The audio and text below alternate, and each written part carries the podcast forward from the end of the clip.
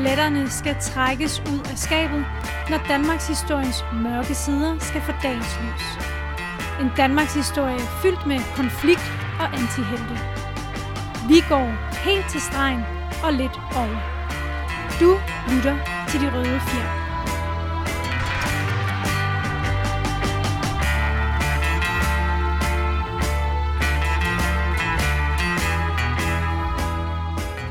Hej og velkommen til De Røde Fjer ved mig, Andreas Nørgaard og Kalle Kyllemand. Velkommen til, Kalle. Ja, tak Andreas.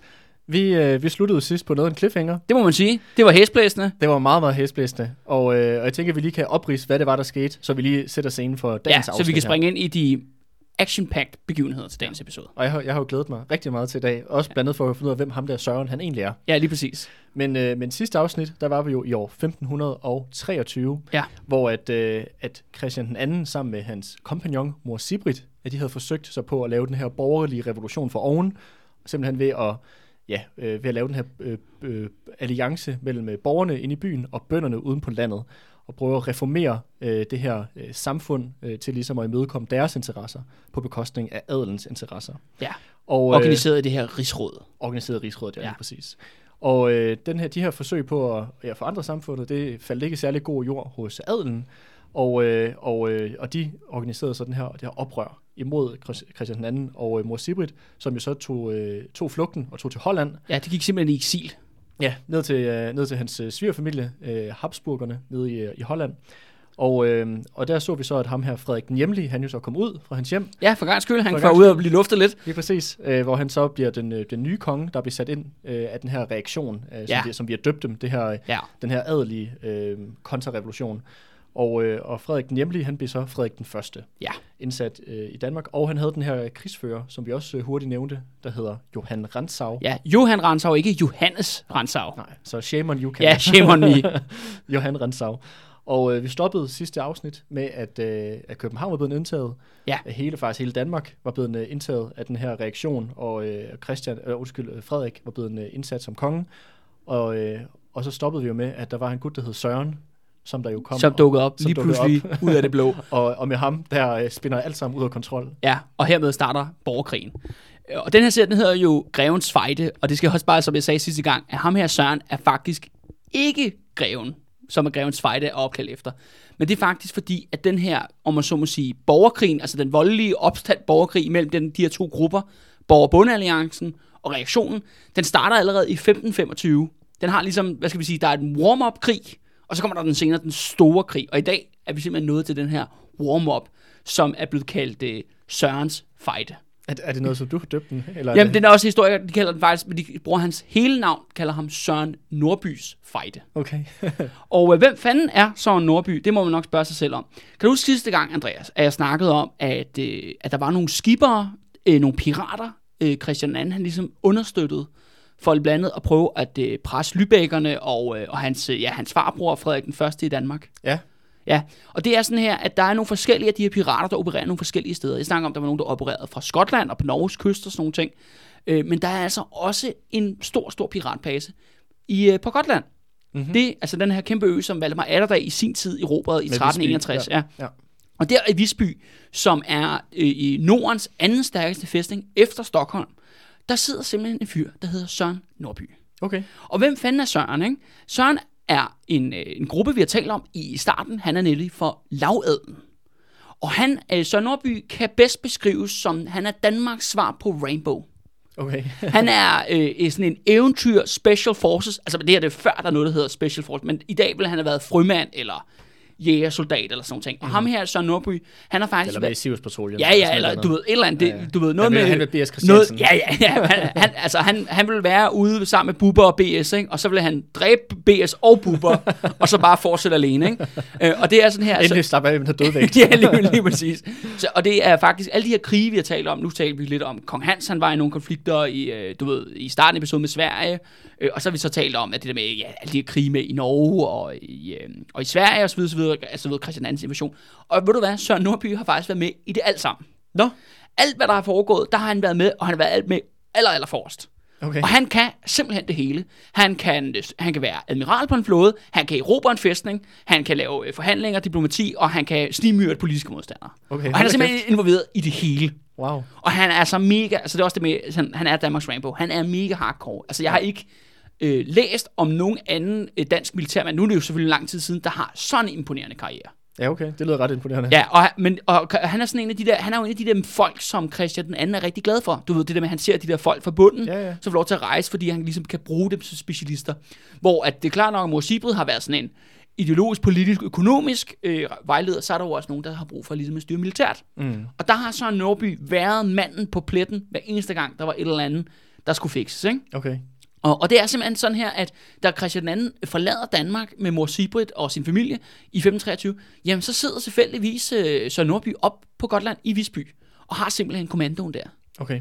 Øh, og, der, øh, og så får han jo så brev fra Christian II og siger, at du skal øh, blive ved med at føre kaperkrig, altså piratkrig mod Mhm. mm-hmm. svenskerne. Hvad kalder de det? Kaperkrig? Ja, det, øh, han får det, ja, men det, man kalder det en kaper, ikke? Altså sådan en, øh, det er sådan en gammeldags ord for pirat Mm-hmm. basalt set. Men det, er- det er fordi, at der har været masser af pirater i Danmarks historie, men de er alle sammen nogen, som er ligesom, hvad hedder det, øh, regeringens pirater. Okay. Vi har ikke så mange, sådan, ligesom du har set i sådan nogle uh, Pirates of Caribbean, sådan nogle folk, der lever på sådan nogle øer og sådan, altså sådan rogue ud for samfundet. Nej. Sådan, sådan har vi ikke haft det i Norden. Det er sådan legesoldater. Bare ja, ja, ja, house. ja, ja, men de har altid haft en sponsor, ikke? Altså, om Ja. ja. det kan være den svenske konge, det kan være Lübeckerne, eller være den danske konge, osv. Mm. Lang tradition for det her. Men ikke mindre, han sidder deroppe, Christian II, han er, han er render rundt ned i Tyskland, Nordtyskland, og prøver ligesom at vende, hiver sin svoger i, øh, i frakken og siger, hey, du har lovet mig en masse penge, så jeg kan Mm. generere min trone. Og vi snakkede om det der med, at svogeren måske ikke var så villig til det, blandt andet på grund af, at, at Ja, han var øh, under massiv pres, ikke? Han, var, han var under pres selv, men også det der med, at, øh, at Christian II, han øh, flirter rimelig meget med protestantismen, Ja. og at han snakker om, at øh, du ved, prøve at nedbryde adelens privilegier, Ja. hvor det er sådan lidt, du ved. Der var en masse ting, som ikke var afklaret i svigerfamilien, hvor det var ikke lige, de var ikke lige på bølgelængde om Nej. Forskellige øh, minor issues, ikke? Nej. Detaljer, detaljer. Men så Søren Nordby, han holder den simpelthen, så man kan sige jo, ja, men Christian II er så, ja, ikke konge, han er eksilkonge, Frederik første er konge af Danmark mm. øh, og Norge, og så er der så Gotland, hvor det er Søren Nordby, der er lidt af kongen. Mm-hmm. Øh, han, ligesom, han bestemmer der, ligesom en, skal vi kalde det en rogue, en rogue mini-stat, øh, der ligger derude for den svenske kyst. Han bedriver par pirateri, det går rimelig godt. Øh, faktisk Gustav Vasa prøver at angribe ham i flere omgange, men det mislykkes simpelthen hver gang, fordi den der fæstning i Visby, den er simpelthen for stærk. Øh, og Gustav Vasa har ikke ressourcerne. Lübeckerne kommer også forbi et par gange, prøver, prøver at nakke ham. De kan heller ikke gøre det. Men Søren Nordby er også lidt en pressemand. Han lever lidt på lånt tid. Fordi han ligesom han har en, en, en gruppe lejesoldater hos sig, som han ligesom har få, oprindeligt har fået af Christian til ligesom at føre krig mod, øh, mod Gustav Vasa og svenskerne. Øh, nu er de bare hans folk, men de folk skal jo selvfølgelig have penge, og det skal de have den første hver måned. Nå, så det, der er konstant Eller, eller, ja, ja, og de der lejesoldater er jo virkelig, de er jo illoyale af helvede til. De tror jo ikke på noget andet end pengene. Nej, nej. Og han har ligesom kunne holde den kørende med pirateri. Du ved, så har de oprettet nogle skibe, og de har fået nogle penge. Men jeg kan godt se, det her kan jo ikke blive ved i en uendelighed. Vi bliver ligesom nødt til at, du ved, gøre noget, ligesom tage det videre. Så Søren Nordby vælger, uden at have snakket med Christian II, og siger bare, jeg starter en borgerkrig i Danmark. Okay. Simpelthen. Det, er- det, den beslutning tager han lige. Det tager han, fordi Søren Nordby, han er altså bare manden, der kan det her. Han Okay. er Rainbow, ikke? Altså, han kan nedkæmpe, du ved, tusindvis af øh, amerikanske politibetjente og nordvietnamesere og russer på én gang, ikke? Kun med hjælp af en bue og et par fælder ude i en eller anden skov, ikke? Det er alene. det er, det er Søren Nordby. Okay. Og- Men hvad, det her, de her lejesoldater, er det sådan noget, øh, nogen han har fået Christian? Eller? Ja, det er nogle tyskere, ikke? Ja. Ja. Og ham her, Søren, øh, Søren øh, Nordby, han, øh, det virker som, han har sådan rimelig meget erfaring for alle de her forskellige ja, eventyr, eller hvad man skal kalde det, Ja, han, har ja, været med, han har været ja. med på. Øhm, så det er jo ikke et særligt dårligt kort at have på hånden. Nej, overhovedet ikke. Øh, men altså det han så gør, er i forhold til, altså når man kigger på, øh, hvad hedder det, Østersøens geografi, ikke? Den del, der selvfølgelig er absolut tættest på ham i forhold til ligesom start det oprør, det er jo Blikinge, og det er jo Skåne. Mm. To af de ja, danske, ja, syddanske provinser over i, ja, det, I det der nu er Sverige. Sverige, Ja, ja. nutidens Sverige. Og der begynder han så at sende, hvad hedder det, agitatorer ind.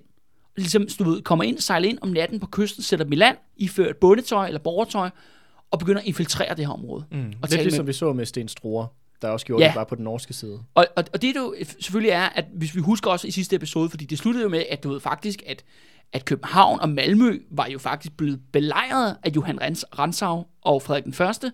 Øh, og der var alle de bundeuroligheder, især på Sjælland, skal man mm-hmm. huske, at der var blandt andet en massakre mm-hmm. på Ringsted Kirkegård, hvor Johan Ransau, han altså lige dræbte en masse bønder der, et ukendt, øh, ukendt antal bønder, ikke? Jo.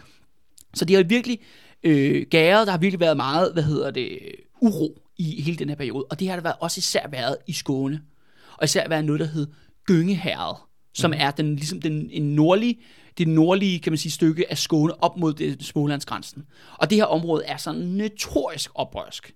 Der okay. er alle mulige problemer derinde. Og det er jo sådan nogle folk, som øh, ikke gider betale skat, ikke? Ja. Og det er sådan noget med, at når foderne skal derind for at kræve, for at kræve skat i det område, så skal de altså have soldater med. Okay. Fordi ellers så kommer de ikke ud levende. Hvad, det- hvad det, du siger derfor? Er det sådan et meget øh, afsides område, eller hvordan? Ja, det er det jo med skovområder og sådan nogle Ja. ting. Ikke? Øh, og det, men det er lige, altså, når man kigger tilbage på Danmarks historie, der er sådan to områder i Danmark, hvor at der altid er notorisk meget oprør. Den ene er Nordjylland, altså nord for Limfjorden. Mm, vindsyssel. Vendsyssel ja. er et notorisk oprørsk område.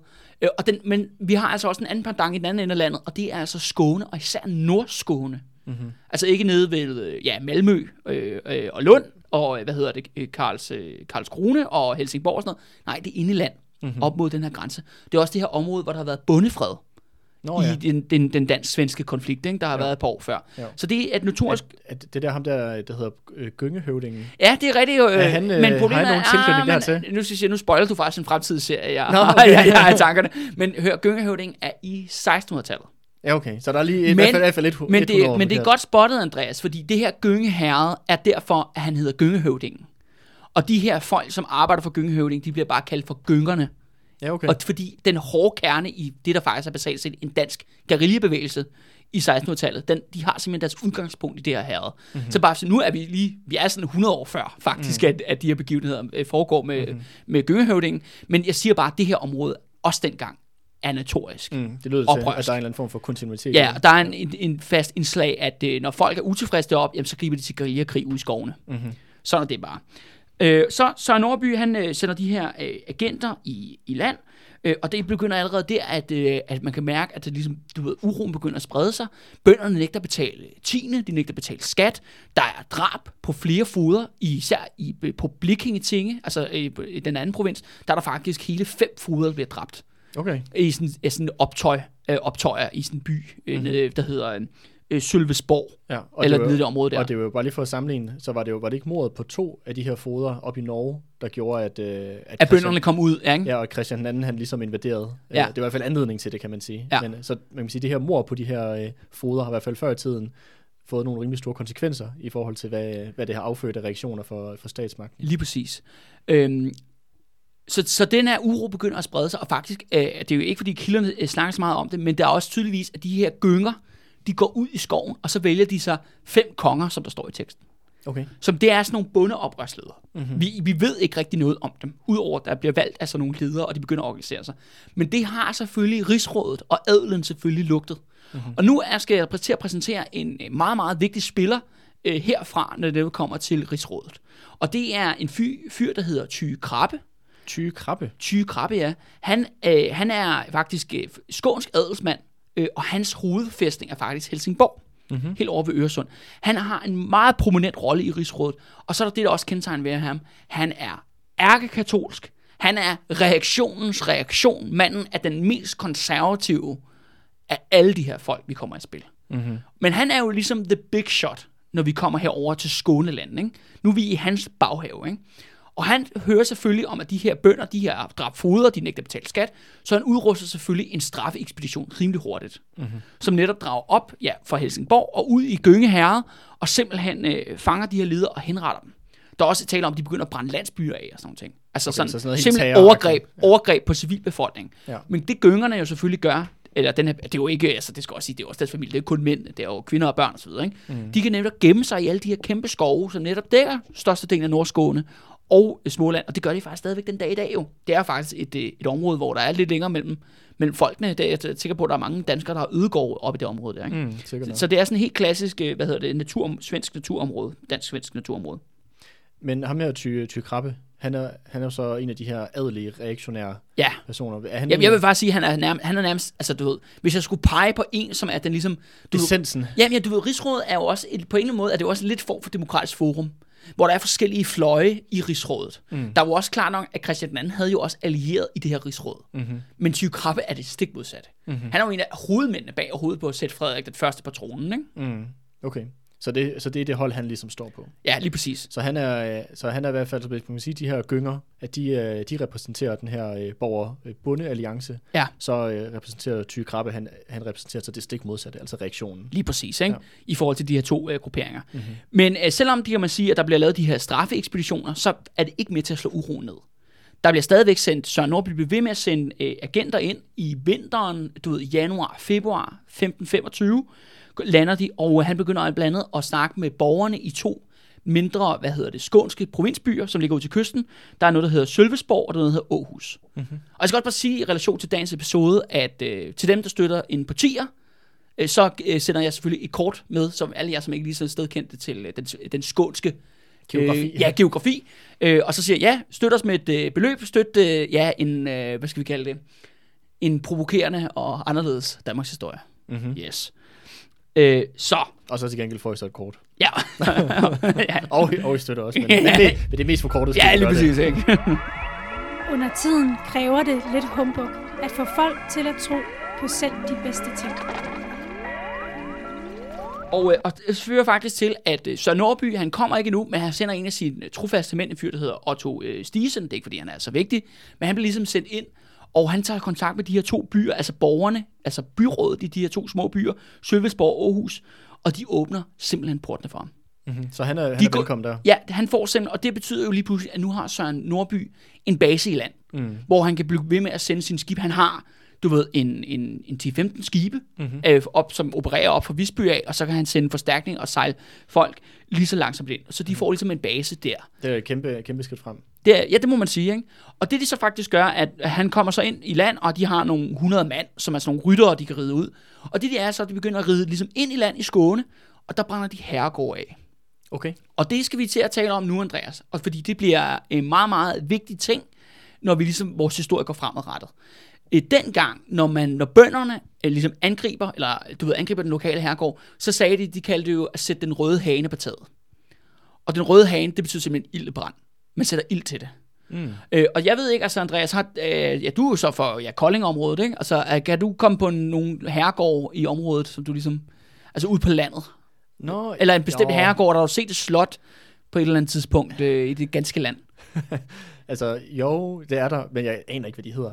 Nej, men okay. Altså, men altså, jo jo, der er masser af sådan nogle herregårde, der, øh, hvis man bare kører en tur i bilen, eller cykler en tur Ja. uden, uden for Det er, Kolding. ikke, det er ikke, dine forældre har ikke et sommerhus, eller de bedsteforældre ikke har et sommerhus, hvor der ligger en herregård i nærheden af. Nej, men, Nej, altså, okay. men der, ligger, der ligger nogle sådan små landsbyer, hvor at, øh, der ligesom er opstået sådan små landsbyer rundt omkring de der herregårde, Ja, så man ligesom, de er mere, kan man sige, blevet en centrum for byen, eller de ligger i hvert fald mere indkapslet inde i de der små landsbyer. ja okay. Så det, der, det er meget naturligt, du ser dem, eller du Ja, ser dem ja, ret ja, mange jamen, steder. de er over hele landet, men det, Ja. ja. det er fordi, at det, øh, ja, jeg, jeg spørger, det, du, du svarer ikke på det, jeg gerne vil have, men så, så fortæller jeg bare min egen, øh, hvad hedder okay. det, udlægning. Det er fordi, at øh, min, men de fam- eksisterer stadig. ja, min familie har et, øh, et sommerhus, som ligger nede øh, syd for Køge. Mhm. Mm-hmm. Der er det store gods nede på Stævns, som det er jo ja, den del af Sjælland der. Der ligger det, der hedder Gjurslev Gods. Og Gjurslev er et af de ældste herregårde i Danmark. Den har faktisk stadig sådan et middelaldertårn i midten af slottet. okay. Der er stadigvæk en greve derinde. I, øh, hvad hedder det, Scavenius-slægten. En, Ja, ja, okay. okay. ja, ja, så, men det skal vi ikke snakke om nu, men de er stadigvæk derinde. Og når man så tager op til de her herregårde, så er de, de dominerer jo landskabet. Mm.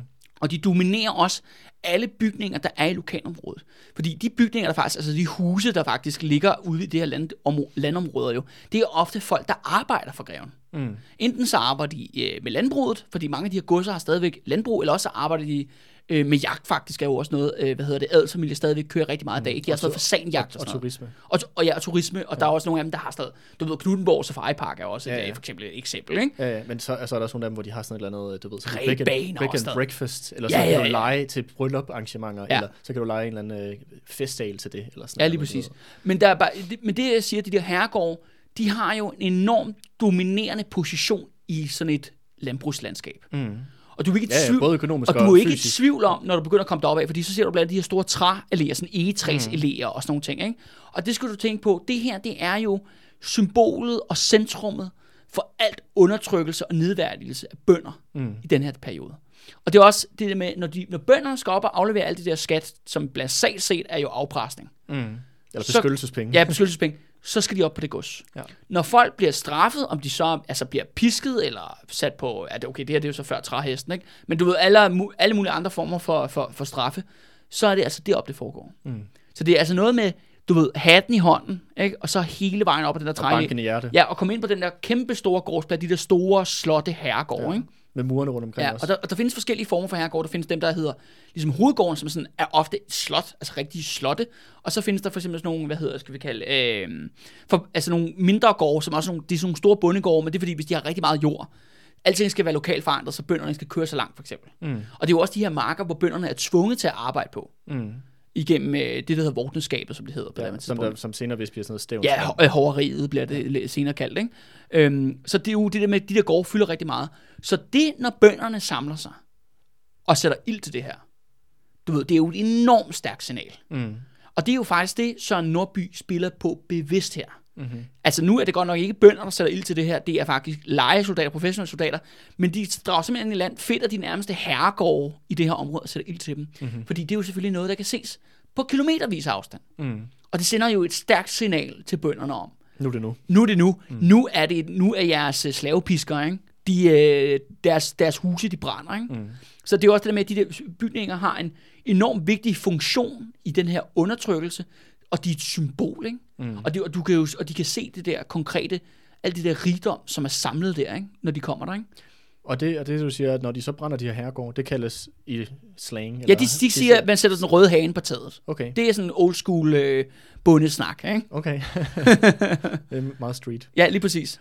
Øhm, okay, men det, er jo også, øh, det må jo også være en enorm øh, kæmpe begivenhed for de der bønder, som du siger, der har lidet med den der undertrykkelse i generationer. Ja. Og så se den her øh, symbolet på undertrykkelse gå op i flammer. Ja, og det er jo faktisk, altså det, øh, ja, det, det er noget, vi kommer til at vende tilbage til det her Mm. i senere episoder. Men nu har vi ligesom præsenteret det, altså det med herregårdsafbrændinger, og vi ser også altså afbrændinger af af herregård her i, i Skåne. Mm-hmm. Øh, men det er jo, kan man sige, de her øh, adelsfolk, der så render rundt og sætter ild til de her ting, eller undskyld, tyske lejesoldater render rundt og sætter ild til de her ting, øh, de er jo ikke en særlig stor styrke.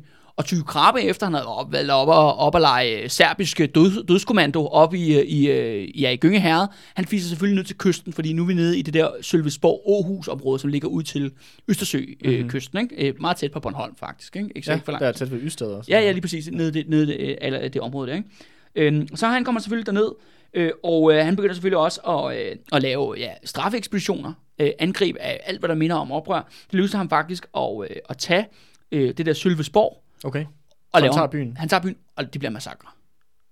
Altså simpelthen massakrerer folk, ikke? Du ved, du ved, det er sådan noget med, udtager hele byrådet, hænger dem inde på, øh, på pladsen, ikke? Du ved, rådhuspladsen, ikke? Okay, I, i så det ren, der, ren massakre befolkning. Ja, lige, lige præcis, fordi det her, det er jo oprør fra neden jo, ikke? Mm. Det skal slås hårdt ned på. Men ham her, Otto Stiesen, som er sådan ligesom Søren Snorbys mand i Skåne på det tidspunkt, han trækker sig ind i, øh, i Aarhus, eller Aarhus, ikke Aarhus, i Aarhus, som det Han har hedder. taget et lille spring. Ja, ja, lige præcis, ja, i Aarhus, og så er han sådan set belejret der.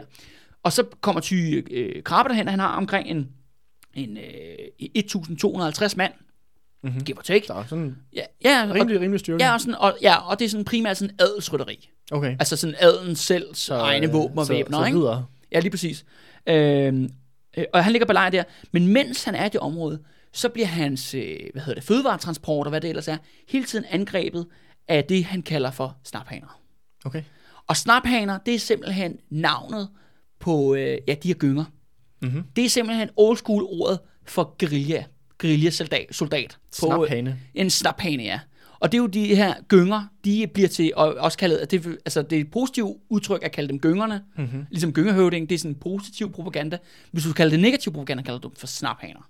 Okay. Fordi grineren. det er sådan en association med, du ved, øh, øh, landevejsrøvere, Ja, okay. okay. øh, banditter, du ved, simpelthen. Det er sådan en, i den der øh, relation, ikke? Ja, så vi har, vi har øh, snaphaner, rejsen røde, fag, røde øh, hvad hedder det nu? Sæt den røde hane på taget, ja, ja, ikke? Der er meget, øh, det er meget sådan sprog, øh, der er behørt. Der Ja, det er noget, noget, noget med fugle, Der er noget med fugle, der ja. Du kan også huske med dybekø, ikke? Det var også noget med fugle, Ja, ikke? ja, de, præcis, Ja. ja. de er vanvittigt glade for fugle. Ja, åbenbart, Ja, og det er faktisk apropos det, de havde jo sådan en... Øh, at de, altså jo tættere, de så jo dyrene, at der var nogle dyr, altså dyrene var øh, guddommelige i den forstand, at jo tættere de var på himlen, jo mere i pagt med Gud var de. Mm-hmm. Så fuglene er de bedste dyr. Okay. ja. Ja. hvor, hvor fiskene er sådan helt nede. De værste. Ja, de værste. Ikke? Eller, eller, eller du ved, orme, orme i jorden for eksempel. Det, uh, de, de er nærmest djævelens afkom, ikke? Ja, så dem skal man ikke Så spise. det havde de Eller, sådan- og muldvarpen, og ja, det var de ikke ja, ja, starte. ja, ja, ja, så de havde ligesom, de deler også dyrene ind i, i forskellige kategorier, sådan i sådan en himmelske øh, perspektiv, ja, ikke? okay, okay. Hvor, øh, hvor er sådan noget som, det ved jeg ikke, en ged eller sådan noget? Hvor vil det være? Ja, den er meget sådan nydel, ikke? Ja, okay. ja. Den kan man mødes på midten. Ja, ja, Alle, kan, alle kan lide geden. Ja, lige præcis. Og de, øh, ja, de har jo så de her, øh, hvad hedder det, ja, de har så den der belejring. Og faktisk interessant er nok, at ham der, øh, Otto Stisen, fordi han jo ligesom har kontrol over havet, for de har jo de her skibe, mm-hmm. de kan sejle frem og tilbage, så får han faktisk sat en, en ekspedition længere ind, altså du ved, de tager ligesom en tur ned ad kysten, og hopper i land en lille hold, og så går de faktisk ind, og så øh, kidnapper de faktisk en, en adelskvinde for billeslægten. Og hvem er det, hvad er det for en slægt? Ja, billeslægten er en af de store slægter i, øh, i, den, i den her periode, og faktisk, de findes også i dag Okay. øh, sådan en gammel adelslægt. Og det skal siges, at de her biller, de er, øh, de er på Ty Krabbes hold. Mm-hmm. De er sådan reaktionens, altså det er fordi, at det er sådan, Ty Krabbe, han er ligesom, kan man sige, han er meget sådan en leder af, af reaktionen, men han har altså også fem biller Ja. i rigsrådet, som er på hans hold. Ja, okay. Altså, og jeg gider ikke selvfølgelig ikke at gå ind og præsentere dem alle sammen, fordi det bliver simpelthen Nå, for nej. uoverskueligt. Men, de, men de er alle sammen en del af den samme Ja, familie. ja, og det er, jo, men det er bare at sige, at han tager han som gissel, og siger til, uh, til ham her, Ty Krabbe, som ligger ude foran uh, Århus, siger, hvis I ikke stopper med at lave de der massakre på, bønder, på lokalbefolkningen i området, så nakker vi altså de her adelsdamer. Og det kan du godt se, det lige på det, det her med, at det er en klassekrig. Ikke? Mm. Det, er, det er jo ikke en, det er jo ikke en krig mellem forskellige nationaliteter. Mm. Det, her, det er en krig internt i Danmark, ikke? Mm. hvor det handler om, hvad for en social-økonomisk baggrund du har Mm. der lader os placere dig, ikke? hvor kan man sige, at Krabbe har jo virkelig dræbt i vilkårlighed. Det skal lige nævnes, Ja, at men faktisk, ikke, ikke vilkårlighederne, det er jo Nå, ja. specifikt bønderne. ja, specifikt bønderne og, Og ja, borgerne. og borgere, ikke? altså oprørske elementer, hvor, man så, og, øh, og hvor det bliver jo altid blodigt, når overklassen slår ned på underklassen. Mm. Fordi der er bare mange flere underklassen. Ja, ja. sådan helt Og som sådan regel, så er dem statistisk. i overklassen er bedre bevæbnet og bedre ja, organiseret. ja, ja, ja, lige præcis. Men der ser man så... har loven på deres side, som Ja, regel også. ja, ja, men, men jeg skal lige sige, at Otto Stisen, han, han dræber ikke hende her for hende der adelsdame, men han tager ham som gissel, og det får ligesom Ty Krabbe ligesom til at slappe lidt af, i Ja, okay. okay. forhold til de der, de der blodbad, han er gang i. Og så, når vi kommer hen til marts 1525, så kommer Søren Nordby faktisk. Og han har faktisk det meste af sin styrke med for Gotland, han, og det er omkring en 1200 mand, mm-hmm. der simpelthen bliver kommer, ja, de- sejlet ind i Aarhus. Så ikke? nu er de næsten øh, lige mange. Både til Ja. ja. Ty Krabbe og Søren Nordby. Det skal, det skal siges, at Ty Krabbe har en lille bitte fordel. Altså på mænd, ikke? Altså han har måske 50-100 mere. Ja, okay. Men, men meget, meget jævnbyrdige. Ja. Øh, øh, og ja, så det, det ser, altså, men det, det kan blive tæt, ikke? Mm. Og så faktisk, så, øh, så, lige, så når vi når til den 8. øh, april øh, 1525, så slår simpelthen Aarhus' øh, porte, bymuren åbner simpelthen, og Søren øh, Nordby, han kommer simpelthen ud og stiller op til, til slag, du ved, ude foran byen. Og Ty Krabbe, han kommer selvfølgelig og stiller sin egen mænd op. Mm-hmm. Men inden det her slag skal begynde, så ude på Ty Krabbes, jeg forestiller mig, det er måske en, øh, jeg ved det ikke helt specifikt, men en venstrefløj eller højrefløj i hans linje, der er der lige pludselig en hel gruppe af ryttere, altså adelige rytter, der deserterer over på det andet hold. Nå, så de går på oprøret De går simpelthen over på oprørets side, og det kommer sig af, at en fyr, som, øh, ja, han er bare, skal bare nævnes her, øh, en fyr, der hedder Niels, øh, Niels Brahe, øh, ud, så Brahe, de der Brahe er også en anden stor adelslægt. Det interessante er, at Niels Brahe, han er den rigeste mand i Skåne, men han har ikke nogen, han har ikke nogen plads i rigsrådet. Okay. Igennem simpelthen, du ved, politisk backstabberi ja, i overklassen. Så han er sur over det. Ja, og han øh, højst, det der højst sandsynligt er sket, er, øh, er, at Søren Nordby har indgået i nogle forhandlinger med ham Mm-hmm. i den periode, så de kommer over på Christian Nands hold. Og det skal også sige, når Søren Nordby lander der i Aarhus, så siger han jo bare, nu rejser vi oprørsbanen, vi skal have vores sande konge tilbage. Ikke? Mm. Vi skal have Christian II, borgerne og bøndernes konge. Ja. Ikke? Ja. Og, det, og så siger han selvfølgelig til Niels Brahe, jamen hør her, der er der sgu da også plads til et nye rigsråd. Ikke? Ja, ja. Der er der plads til dig, ikke? Ham der øh, Ty Krabbe og de der biler for eksempel, det kan godt være, de skal ud. de, de, de, de får det nok meget hårdt i, Ja. i den nye verdensorden, ikke? Ja, men dig til gengæld. Til dig til gengæld. Og han, øh, plads til. og han tager simpelthen sine mænd og deserterer der på slagmarken Mm-hmm. over til øh, ja, Søren Nordby. Og så er det jo klart nok, at Hvem er de, fordelen? Ja. er fordelen. Og, det, og så angriber øh, Søren Nordby lige med det samme jo. Han er jo Rambo. Mm. Øh, han leder sit rytteri selv forrest i linje øh, i kampen der. Mm-hmm. Men de her øh, Ty Krabbe og hans folk jo, de er jo faktisk altså, de er psykologisk rystet. Mm. Efter lige at set deres egen, nogen de troede var, deres eget hold, bare til, til Ja, over ja, til fjenden. Ikke? Så de får en ordentlig omgang øh, tæsk, og de, de spredes, og de flygter faktisk. Okay, Øh, så og- sådan en rimelig overvældende sejr. Ja, overvældende sejr. Øh, og, så, øh, og de drager faktisk tilbage til, øh, til, til, ligesom til, bø, til byerne ude ved Øresundskysten. Så Helsingborg. Ja, så det er Helsingborg, Malmø og Landskrone. Mm-hmm. som de ligesom, der, luk, der kommer, løber de derind, og så, så lukker de ligesom porten der. Ja, så gider det ikke mere. Ja, og, og, så, og herfra kan man sige, så den 18. april, der er Søren Nordby med, øh, øh, med sin her der, der er han kommet til Lund, som jo den her vigtige Mm. religiøse, politiske centrum Ja, i Skåne. vi snakker om, at det var der, hvor den katolske kirke i Danmark ligesom havde sit hoved. Ja, lige præcis. Ikke? Og der indkalder han simpelthen alle bønderne til tinge. Du ved, der, det er jo der, man ligesom, hvis man skal holde stor tinge i Skåne, så er det i Lund, det foregår. Og der kalder han alle bø- bønderne ind, og de kommer i 10.000 vis. Hold op. Og der bliver han så kronet som konge på Christian II's vejen.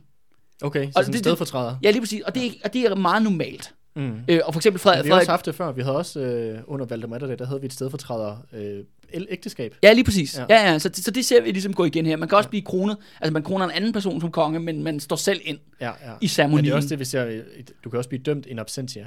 Ja, lige I- præcis. I, I nutiden jo. Ja, lige men det, præcis. det, er, det, er ikke så, det er ikke så mange, der bliver indsat som konger in absentia. Nej, nej, Men, nej. men det er jo ikke det er desværre. men det er jo den samme, samme idé. Ja, lige præcis.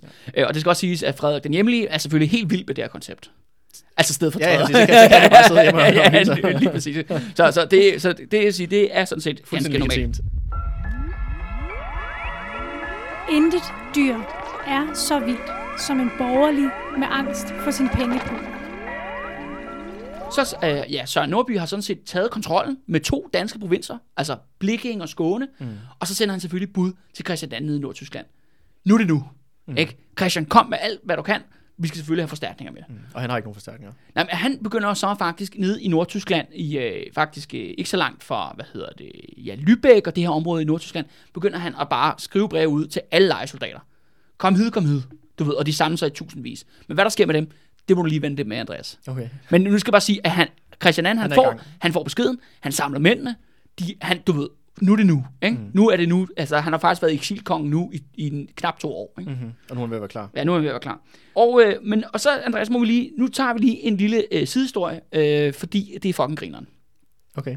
Øh, øh, nogle gange er det jo lidt random, hvad der falder ned i hatten øh, af mærkelige kilder fra fortiden, og især sådan en periode, hvor tingene kan være meget sporadisk. Mm-hmm. Men af en Og eller hvor man anden... måske ikke har alt så meget at vælge imellem. Nej, men af en eller anden grund, så har vi en fucking griner historie. Hvad der sker øh, med foden på Ellinge Herregård. Og hvor er Ellinge Herregård? Det er en herregård, som ligger ikke særlig langt væk fra Lund. Okay. Så det er jo, Lund er jo ligesom Borger- og Bundealliancens centrum, kan man sige Mm. nu. Ikke? Det er Ja. den vigtigste by, de har taget øh, på daværende tidspunkt.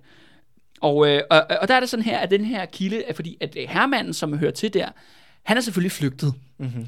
Altså med tyfgrabbe. Han befinder sig i Landskrone på daværende tidspunkt. Men han har altså simpelthen efterladt sin fod, sin opsynsmand, til ligesom at sige, du passer på herregården. Mm-hmm. Og den her herregård er selvfølgelig fyldt op med øh, rigdom. Altså, der er både guld og sølv, men der er jo selvfølgelig også en masse mad. Mm. Og, øh, og så, så sker der så det, at den her herregård, den bliver, ja, den bliver basalt set plyndret. Men det, han skriver ham her, øh, foden, det er fucking grineren, fordi han skal ligesom, fordi han overlever. Mm-hmm. Han bliver ikke myrdet, så han skal ligesom forklare, altså hans chef, hvordan kan det gå til, at du har mistet alting. Ja. Så det han siger er, at jamen, så kom Søren Nordby og i Lund, og det var jo en værre ballade, og, og, og deres, øh, du ved, deres noget, I, der æder, ikke? I, I tog jo ligesom afsted, og, ja, og så blev jeg Du må jo... jo nok kunne forstå, Ja, ja, øh, og, og, så fik jeg jo ansvaret, ikke? Ja. Og det er klart nok. Og, så og det var jo en pressesituation. Ja, ja, det var en præsentation. Og så var det sådan, og, og så sagde han, og nu har det jo altid været sådan, at alle de bønder, vi har haft i området, lige, lige så i de 10 år, jeg har været forud, eller hvad han nu skriver, ikke? der har vi altid kunne stole. Vores bønder har altid været gode, søde, lojale bønder, der respekterer øvrigheden. Mm-hmm. Så da jeg fik at vide, at det, der, som det, de, sidste ordre, de gav mig, var, at øh, jeg skulle skjule al maden, så øh, satte jeg selvfølgelig alt, hvor så tømte jeg selvfølgelig al maden, og satte den på, øh, på vogne, øh, og så skulle jeg selvfølgelig køre de her vogne væk, men der var simpelthen så mange vogne, men så kom der heldigvis nogle lokale bønder, og sagde, vi vil utrolig gerne hjælpe.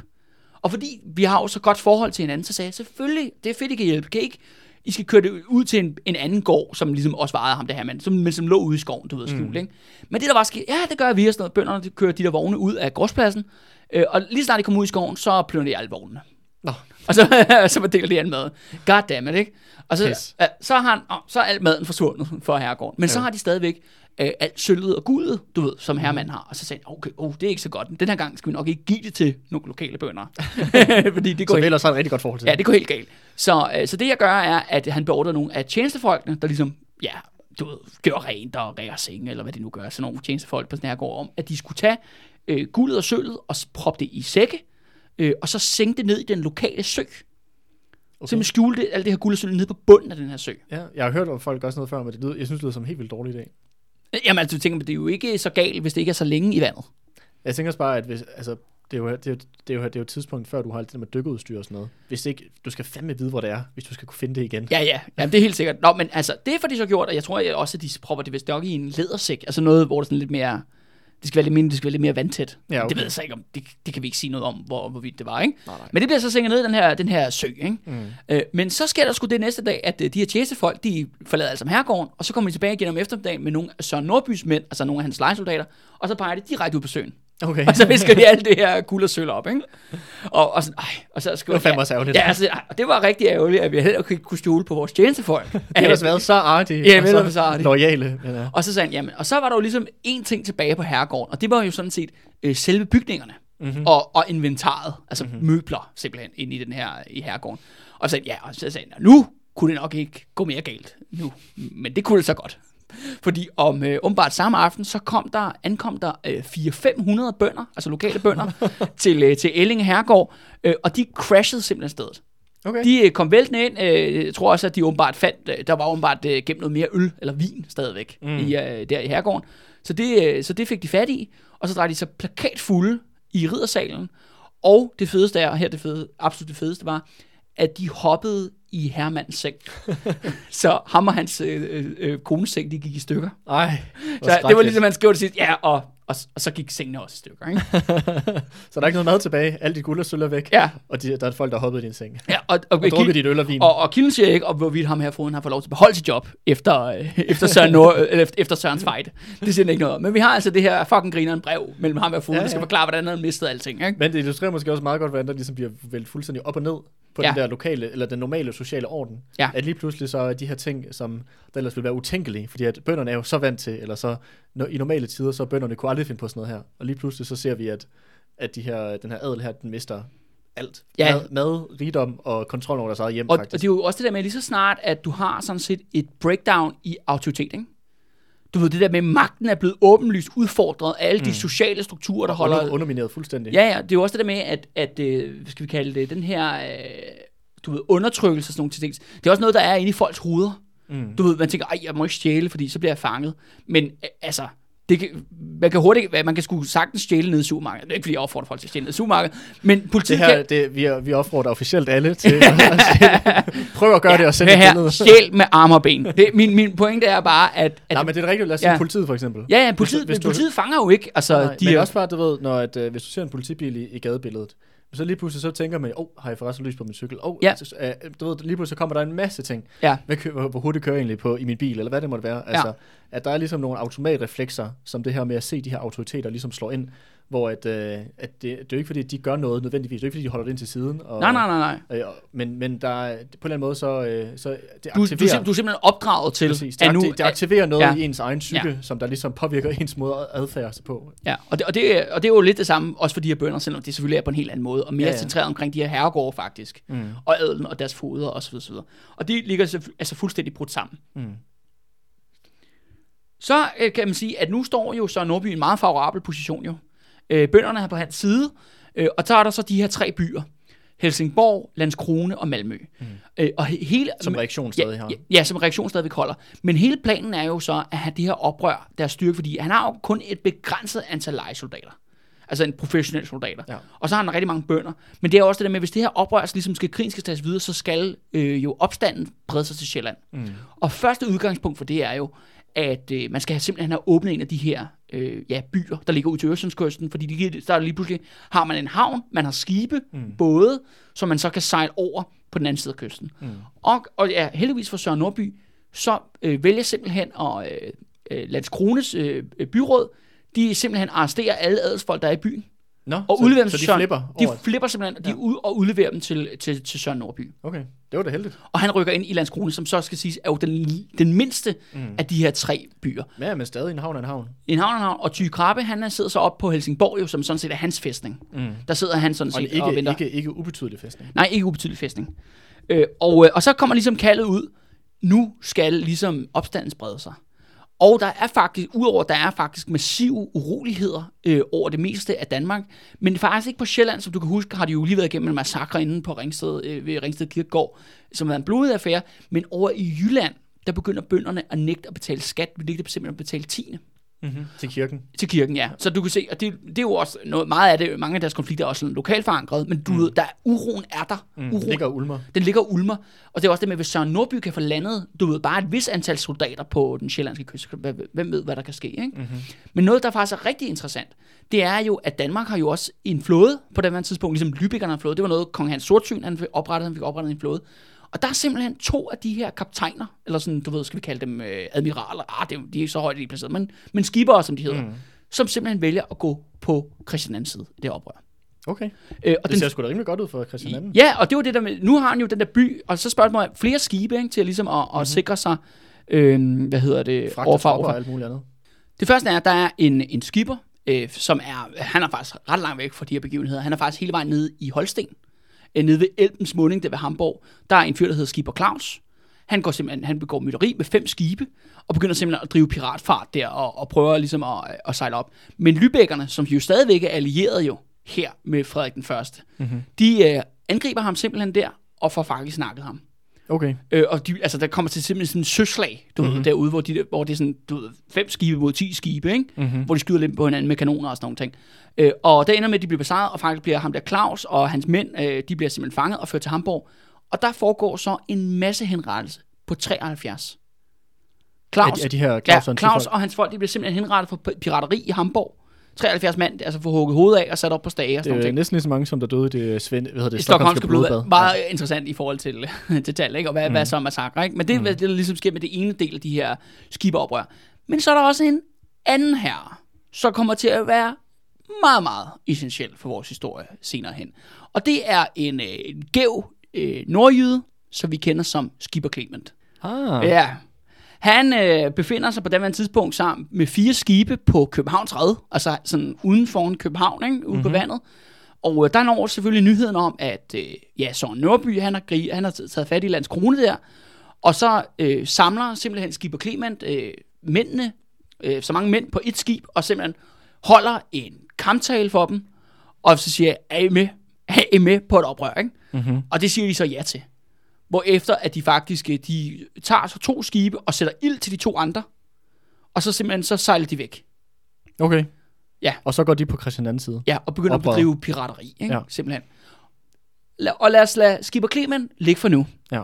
Men han er, han er et... Øh, Men det er faktisk her første gang, at Skipper Clement ligesom dukker op Mhm. mm-hmm. i vores historie. Ja, og vi kommer til at høre mere til ham. Ham kommer til at høre meget mere til. Ja, det vil jeg glæde mig til. Yes. Så hvis vi lige skal prøve at gøre status. Ja. Så lige nu der, vi har stadig en situation, hvor Christian den anden, han er stadig et eller andet sted nede i uh, Tyskland, og i gang med at samle nogle, uh, en eller anden her eller Ja, soldater. forstærkninger. Præcis. Så har vi så Søren øh, Nordby, der sidder i Skåne, Ja, og har taget en del vigtige byer, faktisk de fleste. Der er kun lige... Uh, der er Helsingborg og Malmø. Og, og Malmø, som ham her Ty Krabbe, han stadig sidder på. Men ellers så har den her øh, borger bonde alliancen har faktisk sådan taget det, magten i det meste af det, øh, ja, det moderne Sverige, som vi... Men Jamen, Sydsverige? Sydsverige, ja. Øh, hvilket er rimelig, rimelig godt udgangspunkt for Christian II. Og så har han så også nu ham her øh, Skipper Clement, som har begået mytteri, og som også med hans lille beskedende flåde har, øh, har også øh, slået sig til oprøret. Ja, slået sig til Ja. oprøret. Det, er da, det er da et rimelig godt udgangspunkt. Ja. Og, der, og som du siger, der er, der er uro i, nord, i, hvad hedder det, i Jylland. Så, Ja. Der er alle, altså det ser rigtig godt ud. Der er basis for, at det her mm-hmm. Mhm. kunne blive, altså være en krig eller en opstand, der spreder sig til resten af Danmark. Mm-hmm. Men øh, det kommer faktisk ikke til at ske. Nå. Og det kommer faktisk til at ske på baggrund af én persons beslutning. For nu skal vi øh, ja, snakke om en, øh, en introducere en anden person, som også bliver rigtig, rigtig vigtig for vores historie. Og det er øh, Malmøs borgmester. Han er faktisk blevet udnævnt som borgmester i 1523. Det er en fyr ved navn Jørgen Kok. Mm-hmm.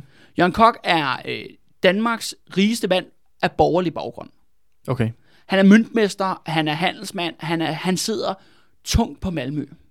Og det interessante er, at selvfølgelig, at Søren Nordby kontakter ham, også fordi Jørgen Kok har faktisk været en del af Christian II og Mor Sibrits inderkreds. Du ved, vi har jo Ambrosius Bogben over i København, som ligesom, han er jo ligesom københavneren, Mm-hmm. og Jørgen Kok, han er faktisk ham, ja, Ham Malmø, Malmø, hvad ja. ja. hedder Malmø-borgeren, eller hvad? Du ved ikke, øh, Malmøerne er allerede Malmø, ja, hvad fanden kalder man folk for Malmø? Malmøgenseren. Ej, Malmø, ikke. ja, men han er ligesom, Ja. ja. han er ligesom the man i Malmø. Mm. Det Og er hvad ligesom, kaldte du ham? Hvad hedder han? han hedder Jørgen Kok. Jørgen Kok. Jørgen Okay. Kok, ikke? Altså, Altså, er, skal vi, er han en, vi skal huske på? ja, ham skal vi huske på, ikke? Okay. Og det interessante er jo, at han har jo været forbindelse, altså han er set som en klassisk støtte til Christian II, og hele, ja, og så at sige Borger- og Bundealliancen. Men han, da han får det her simpelthen, ja, altså Søren Nordby kontakter ham og siger, hør her, øh, du skal selvfølgelig gå med på oprøret, så siger han nej. Mm-hmm. Og det er noget, der bliver simpelthen plan for den her borgerbundealliance. Det er, når borgerne og bønderne ikke holder sammen. Mm. Når der er et eller andet privat interesser, der kommer ind over. Mm-hmm. Og jeg tror lige i den her situation i 1525, at Jørgen Kok anser netop, at, øh, at måske Søren Nordby er for svag, og Christian II er for svag, eller oprøret mm. er ikke i ret tid. Det er lidt ubevidst, hvorfor han ikke går med i oprøret. Fordi at Jørgen Kok, som vi vil se på et senere tidspunkt, spiller en diametralt modsat rolle. Okay, så det kan være, Han bliver vurderer- faktisk, en, uh, uden at afsløre for meget, han bliver en prominent leder i Borgerbundealliancen. Okay, Senere hen. så det kan være, at han ligesom vurderer, at styrkeforholdet ikke er i Nej. bunde, bunde, Og der vælger han så, der, på der det vælger han så at redde sin egen politiske røv og sin, og sin dominans ja. Ja. i Malmø. Ja. Og det betyder selvfølgelig, at, øh, at det kan give øh, tid til, at ja, reaktionen kan få et comeback. I et diktatur må ingen sige sandhed. I et demokrati må alle lyve om den. Interessant er jo selvfølgelig, at da nyheden om det her oprør spreder sig, at nu er der oprør i Skåne, så bliver selvfølgelig øh, sendt et budskab til øh, Frederik den hjemlige, som helst ikke vil udefra. Ja. Og, og det grinerne er, at det er noget, der kommer til at gentage sig igen og igen, og så folk bliver med at sige, jamen kan du ikke, du må skulle komme ud, prøv lige at tage til lidt til Jylland og snakke med bønderne for lige at dæmpe gemytterne. Kan du ikke komme over til København og mobilisere en her? Og siger, nej, nej, nej, nej, nej, nej. De må komme til mig. I didn't sign up for this. Jeg vil gerne være kongen, men jeg vil gerne være det hjemmefra. Hvad med ham der Renshav? Kan jeg ikke sende ham? Det er jo netop det, han gør. Ja. Det interessante er faktisk, at for at fonde øh, den her krig, fordi de er, har ingen penge, der vælger han simpelthen at beslaglægge alle landets kir- kirkeklokker. Mm-hmm. Og der får man faktisk tilnavnet Frederik Kirkerøver. Okay.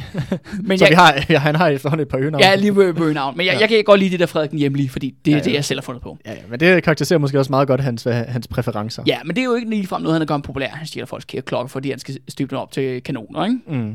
Hvad er det? Er det ikke, fordi de lavede, er det bronze eller kover eller sådan noget, de lavede af de der kirkeklokker? Ja, lige præcis. Ikke? Og ja, kover. Og det, er, Ja. og det er også det, man laver kanoner af på det Mm. daværende tidspunkt. Jo.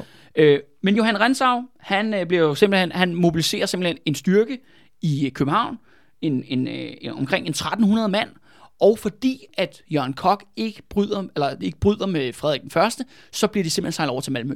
Mhm. Altså her bliver simpelthen sejlet over Øresund der og, og mobiliseret. Og det kan så føre til, at, øh, at nu er der ligesom sat op til, at der skal være et nyt slag den 28. april øh, 1525, hvor Ransau han kommer så ligesom ud af Malmø og går direkte op mod Lund, jo, som jo er ligesom oprøret centrum, det her Søren Nordby er, hvor han øh, har og faktisk om, også omkring øh, en 1300 øh, Okay, så næsten lige, lige store her. Men her er det så interessante. Udover de her 1300 lejesoldater, professionelle soldater, som Johan Rønshav også har, så har Søren Nordby 3000 bønder, Okay, som er simpelthen mødt op ja. for at være med, om man så må sige, i det her slag. ja.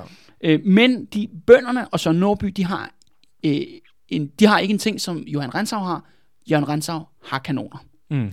Og skydevåben. Mm. Altså de her første primitive øh, geværer, der findes på det her tidspunkt. Mm-hmm. Og det skal faktisk blive udslagsgivende. Interessant, øh, det, det her slag begynder ved, at øh, bønderne, øh, de begynder faktisk, de sætter faktisk ude foran Lund, sætter de en masse vogne, de har, op i ligesom sådan en vognborg. Du kender det måske nok fra sådan nogle westernfilm. Hvor du Ah, ved, at det er, hvor de ja, ja, ja. nybyggerne ind, og så Ja, kommer ja, ja, indianerne, ja, og så rider ja. de rundt om, og så skyder de på dem, ikke? Jo, jo. Og det skal faktisk sige, at det var en øh, bundestrategi, som øh, havde virket rigtig godt i 1400-tallet. Det var faktisk sådan bønderne, fordi at når de møder adelen på slagmarken, så har adelen altid flere heste. Mm-hmm. Og vi ved, hvor afgørende ry- rytteri kan være på det tidspunkt i, i kamp. Så ideen er simpelthen, at bønderne simpelthen forskanser sig i sådan en mobil træfæstning, og så kan de ligesom stå op på vogne og kaste spyd og skyde varmbryster og så videre, så videre øh, Mhm. og prøve at, ligesom, og, og, og de der, de kan ikke blive reddet, reddet over de der ryttere der. Nej. Så de har ligesom stillet op til det her. Men Johan Ransau, han bruger selvfølgelig kanonerne, Mm-hmm. og begynder at beskyde øh, den, den her vognborg, og han skyder faktisk øh, i tre timer. Okay. Altså simpelthen bomber den her vognborg i smadret, og der er selvfølgelig mange øh, dræbte øh, øh, og sårede. Og det er hovedsageligt bønderne, der står på den her. Ja, det er bø- bønderne. Og så, øh, og så sætter han ligesom, når det er ligesom, at, når han er ligesom, at de er blevet møre, så sætter han så sit rytteri ind. Mm. Og de møder selvfølgelig Søren Nordby og hans rytteri, men der bliver simpelthen, der trækker Johan Ransau det stærkeste kort, øh, og de her ryttere bliver, bliver simpelthen slået tilbage. Mm. Og, øh, og, og efterfølgende, så faktisk, så flygter Søren Nordby, han rider direkte ind til Landskrone, Mm-hmm. og lukker fæstningsmuren, altså porten, ikke? Mm-hmm. hvor, øh, øh, hvor at bønderne de flygter ind i Lund by og ind i Lund Domkirke, og der bliver de simpelthen massakreret. Okay. Omkring 1500 bønder mister livet til Johan Ransau. Hold da kæft, det er godt nok mange. Og det er faktisk herfra, at... Brænder han, brænder han kirken ned, eller? Nej, jeg tror bare, de vælter ind og begynder bare at dræbe folk ind i Ja, kirken. okay. Godt nok mange mennesker. Ja, Og det, øh, og det er faktisk her, at Johan Ransau, han får sit tilnavn. Jora, øh, han bliver kaldt øh, Johan Ransau bondemorder, Mhm. mm-hmm. eller Johan Ransau den sorte. Som den sorte som døden, ikke? Ja, eller, Forstået. eller reaktionen. Eller reaktionen. Så An- Andreas, jeg tænker lidt, at vi kan... Hvad tænker du, at vi skal... Hvad for navn vil du gerne gå med herfra? Jeg kan godt lide den sorte. Så, så Ransau den sorte, Ja, det kan jeg godt lide. den, den tager vi simpelthen. Ja. Og det er jo selvfølgelig... Øh, det er ment negativt. Ja, det, ja. er bare, det, er ikke en, det er simpelthen bønder, der har givet ham det her navn, ikke? Jo, jo. Men er det ikke også, altså når man snakker inden for sådan politik, så ofte så den her, sådan den der adelige, sådan kontrarevolutionære tendens, har ofte, har, hvad hedder det, blevet kaldt den, den sorte her, Jo, jo, jo, eller jo, sådan jo. den sorte farve. Ja. Modsat, hvor man kan sige, at, øh, at ja, arbejderklassen for eksempel har rød som deres politiske farve, hvis man, Ja. kan, hvis man kan sige det på den. Så det her Og, med, at, det- men jeg skulle sige, Borg har ikke sådan en farve som sådan. nej, nej, men det er mere også for at sige ja. der med, at det her med, at han bliver kaldt den sorte. Det er jo ikke, fordi det er noget, der er taget ud af den blå luft. Altså, Eller, det er, eller man skal faktisk sige, det står, der står kilderne jo, at, øh, at det er jo meget faktisk grå og brun, som er øh, Borg Bondealliancens farver. Og det er Ja, fordi, okay. det er simpelthen det er bøndernes tøj. ja, ja, Det er ja. de farver, de har råd til. Så vi har den, vi har den, øh, den, øh, den sorte fraktion, og så har vi den brune fraktion. ja, brune fraktion, ja. Men ja. Ja, men Men, det, var også, det var også lang tid før noget, der hedder arbejderbevægelse. Ja, ja, ja. ja, ja, men, men, øh, men, men det er også bare for, øh, for at sige, Ja, ja, ja. ja. at det er meget, det, det er sådan, ofte så har de her fraktioner fået nogle navne, der er også med, med farve. Jeg tror også in, internt, er det ikke inde i det konservative folkeparti, der stadig den dag i dag er noget, der hedder den sorte fraktion, som også er sådan en øh, Jamen, altså, nu har jeg, enevældig, det er lang tid siden, jeg har været til DF-landsmøde, Andreas. Jeg, jeg ved godt, at du, øh, du hænger over, ud over det jyske, ikke? det kan være, at der er nogle øh, lytter, der ved mere omkring det end mig. Det, det kan være, at vi får et, øh, en, en, eller anden, en eller anden, nogen, der henvender sig og skriver Ja, ja, noget om det. ja, okay. Anyway. Øh, yes. Øh, Så øh, nu er Søren Norby, han er sådan set effektivt spærret inde. Øh, Ransau den sorte mm-hmm. øh, Mhm. belejrer ham i Landskrone. Og der bliver han jo selvfølgelig ved med at sende breve ud. Christian, Christian, hvor fanden er du henne? Det kunne være rigtig fedt, hvis du dukkede op snart. Men tiden går, og, sådan, og alle spørger sig selv, hvor er Christian? Nu er det sådan, at Johan Ransau rider selvfølgelig, sætter straffeekspeditioner ned for at lukke det her oprør rimelig massivt ud, men fokuserer selvfølgelig primært på den her belejring. Mm-hmm. Og det er så her, hvor at Søren Norby, han lægger en plan. Fordi han er jo netop den her, skal vi, kreative Rambo. Rambo-mand, som er, han er, han er sådan... B.S. Christiansen, yes, kind of guy. he fight to the finish, ikke? Ja, ja. Så han tænker, fordi Johan Ransau har jo netop vist, at han er en rigtig dygtig general, og at hans soldater er kompetente, og han er god til at lede i kamp. Så han tænker, hvad nu, hvis vi tager ham fra begge sider? Mhm. Så det er, der bliver lagt en plan om knivtangsmanøvre. knivtangsmanøvre, hvor at ideen er, at øh, han sender agenter ud i Landskrone, ud til bønderne, og begynder at samle flere og flere bønder, der stiller op. Øh, ikke så langt fra belejringsstyrken. Og faktisk, når vi når frem til den 4. maj, altså lige en lille uges penge øh, længere øh, hen i tiden, der er der samlet sig op mellem et sted mellem 10.000 til 12.000 skånske bønder. Hold kæft. Det er, noget, Og det er en del de- flere, end vi havde før. Ja, og det var det der med, at bønderne er jo ikke særlig gode til at slås øh, i åben, i, på åben mark. Nej, nej. Men Mod- det der guerilla-taktik, det kan de... øh, Ja, det kan de finde ud af, ikke? Ja. Og, det, og du kan også se, der er også det der med, at de, det er jo geografi. Det er ligesom med dit masken, ikke? Mm. De tænker hele tiden, og vognborgen, det er faktisk taget lidt ud af den samme mm. øh, tanke, at det vi må bruge landskabet, geografien, Kompensere for, at vi Kompensere ikke sidder oven på en hest Vi- med en kæmpe brynje. ja, ja, bygge primitive fæstningsværker på den ene eller på den anden måde, Mm. så vi simpelthen kan modstå det her. Mhm. Og de her bønder, de begynder at samle sig, og de vælger faktisk meget strategisk klogt at stille sig lige bag ved en å, Okay. som går lige omkring i det her øh, område. Øh, og det er jo så det der med, at jamen, så, så, kan rytter, så, bliver, så vil rytteriet jo blive bremset Det er præcis. øh, ved den her å, og de ligesom skal over så, den så kan først. de ikke bare turbedere ind i dem. Ja, lige præcis. Så det er jo faktisk meget smart tænkt af Ja, ja. Og så er det simpelthen, øh, at øh, ja, Søren Nordby, han snakker selvfølgelig med de her bønder, øh, på den ene og på den anden side, og de aftaler selvfølgelig, at de skal angribe samtidig. Mm-hmm. Men desværre for bønderne og for øh, Søren Nordby, så øh, lugter Johan Ransau Lunden. Mm-hmm. At det der med, at der simpelthen er en, Baghold på... et baghold Ja. øh, på, på vej. Og det han faktisk vælger at gøre, at han øh, vælger at lade sin lejr stå tom. Du ved, man, når de der herrer bevæger sig rundt, så slår de jo lejre og bygger mm. telte og palisader og hvad de nu Det ellers gør. det andet, ja. De har deres mad og deres øh, krudt og kugler, hvad de nu ellers har med. Og der, øh, der er simpelthen så øh, sker der så det, at øh, om natten, så flytter Johan Ransau hele sin her over på den anden side af den her å. Mhm. Og så når angrebet skal starte den 4. maj, altså du ved, øh, om morgenen, så opdager bønderne lige pludselig, at Johan Ransau er på den anden side af åen, men så Nordby selvfølgelig angriber med sine mænd ud af Landskrone, kommer, stormer selvfølgelig ind og indtager den her lejr. Mm. Øh, og kan selvfølgelig plyndre den og brænder den af. Altså brænder Ransaus, øh, hvad hedder det, ja, hans, øh, hans mad og hans øh, tøj- Provianter. Ja, provianter ja. brænder af. Men du ved, fjenden er her ikke simpelthen. Mm. Øh, og så går øh, Ransau mod de her bønder. Og det interessante er, at de er jo, bønderne er jo mange, mange flere. Mm. Altså, hvis kilderne passer, ikke? 10.000 mand mod Mod- 1300, ikke? Præcis. Og op til den her kamp, så rider faktisk, øh, ja, Ty Krabbe, han har selvfølgelig sluttet sig til. Selvfølgelig. Rensau God gamle. Tyge Krabbe. Ja, han er selvfølgelig kommet ud af Helsingborg, ikke? Og kommet, øh, kommet ned, og det og faktisk også mener, at, øh, at øh, hvad hedder det, Rensau styrke også steget lidt. Det er måske mere end sådan 1500 mand, end det er 1300. Ja, men stadig, det er- Ja, stadigvæk massivt undertal, ikke? Mm. Og der rider øh, Ty Krabbe så hen til bønderne, og så siger han selvfølgelig, du ved, overgiv jer, og så myrder vi kun, der dræber vi kun nogle af jer, ikke? Du ved, nu dræber vi lederne, eller sådan noget, siger han til dem. Og der, Siger han til lederen. ja, ja, ja, ja. Og der siger, der siger bønderne selvfølgelig, buh, det, det, det er de sgu ikke interesseret i. Ikke? Ja. Så Ty Krabbe, han, ligesom, han prøver ligesom at ride hen og snakke med dem. Du ved, han rider ud med et hvidt flag og, og, snakker, og, siger, og råber ud til de der folk op på sin hest. Lad være, eller du ved, gå hjem, ikke? Mm. drop det her oprør. Siger de nej til. Så rider han tilbage, snakker med Ransau og nogle andre adelsmænd, og så er der så en, øh, og så er der, det, der sker nu, er lidt sjovt, fordi... Er det magi? Nej, det er ikke magi, desværre. øh, øh, fordi hvem er primærkilden til det her? Det er selvfølgelig Joran Ransau selv. Ah, okay. Så, det, Så helten nu her bliver Rensau, kan Nej, nej, nej, nej, nej, han er, han er den ultimative skurk i vores serie. Også, der, også i hans egen Ja, ja, ja, nej. altså, hans egen det er han jo sjovt nok i sin egen, i sin egen, brev, i sin egen brev, vel? Øh, men det, han, øh, han skriver, er, at der er en ung adelsmand, efter Tyge Krabbe ligesom har været hen og prøvet at tale med bønderne, det er slået fejl, så sender de en anden, en yngre adelsmand, der hedder Knud Gyldenstjerne, en af de her Gyldenstjerne, og en anden stor, vigtig adelsslægt, mm. bliver ligesom uh, sagt, "Nå, men vil du hvad, lad mig prøve. Fordi at øh, I'm more handsome, eller du ved, at jeg Ja, ja, taler bedre, whatever, ikke? Ja. Og han prøver. Og, og det der så siger, at, at så siger Ransau så, at ham her, Knud han rider hen til bønderne, prøver at tale med dem, bønderne er sådan, de far ud og vil prøve at dræbe ham. Og så bliver det så startskud til, at Johan Ransau angriber mm-hmm. Bishop Rytteri. Det tror jeg ikke på. Lad mig sige det sådan. det, det gør Nej, det alligevel ikke. men det er jo bare min hypotese, ikke? skal lige siges. Det virker som om, at ham her, Knud Gyldenstjerne, er ligesom blevet sendt hen for at provokere bønderne. Mm. Du ved, han råber, hold kæft for møg belortet, jeg voldtager jeres mm, kirkeklokker, eller et eller andet, ikke? Ja, ja. Hvad det nu er sagt, ikke? Altså, øh, du ved, for Jeg kommer, jeg kommer og rejser den røde hane over din, dit hus. Ja, lige, lige præcis. Noget af den dur, som man ligesom provokerer bønder til at bryde deres linje. Mm.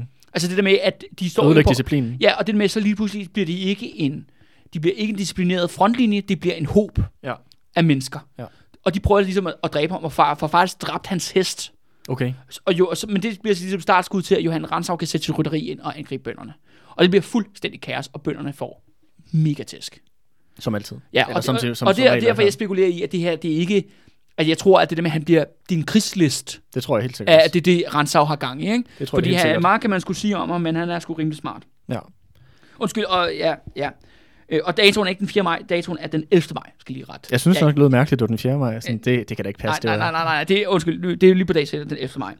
Øh, og, øh, og så angriber jeg, øh, ja, de her, øh, ja, Ransau angriber bønderne, og igen, en kæmpe massakre. Øh, over 3.000 dræbte. Kæft, det bliver godt nok... Øh, Og det er fordi bønderne bliver den her håb af mennesker, hvor de her adelsrytter, de kan bare ride igennem og slå til højre og venstre. Mm. og med deres lejesoldater.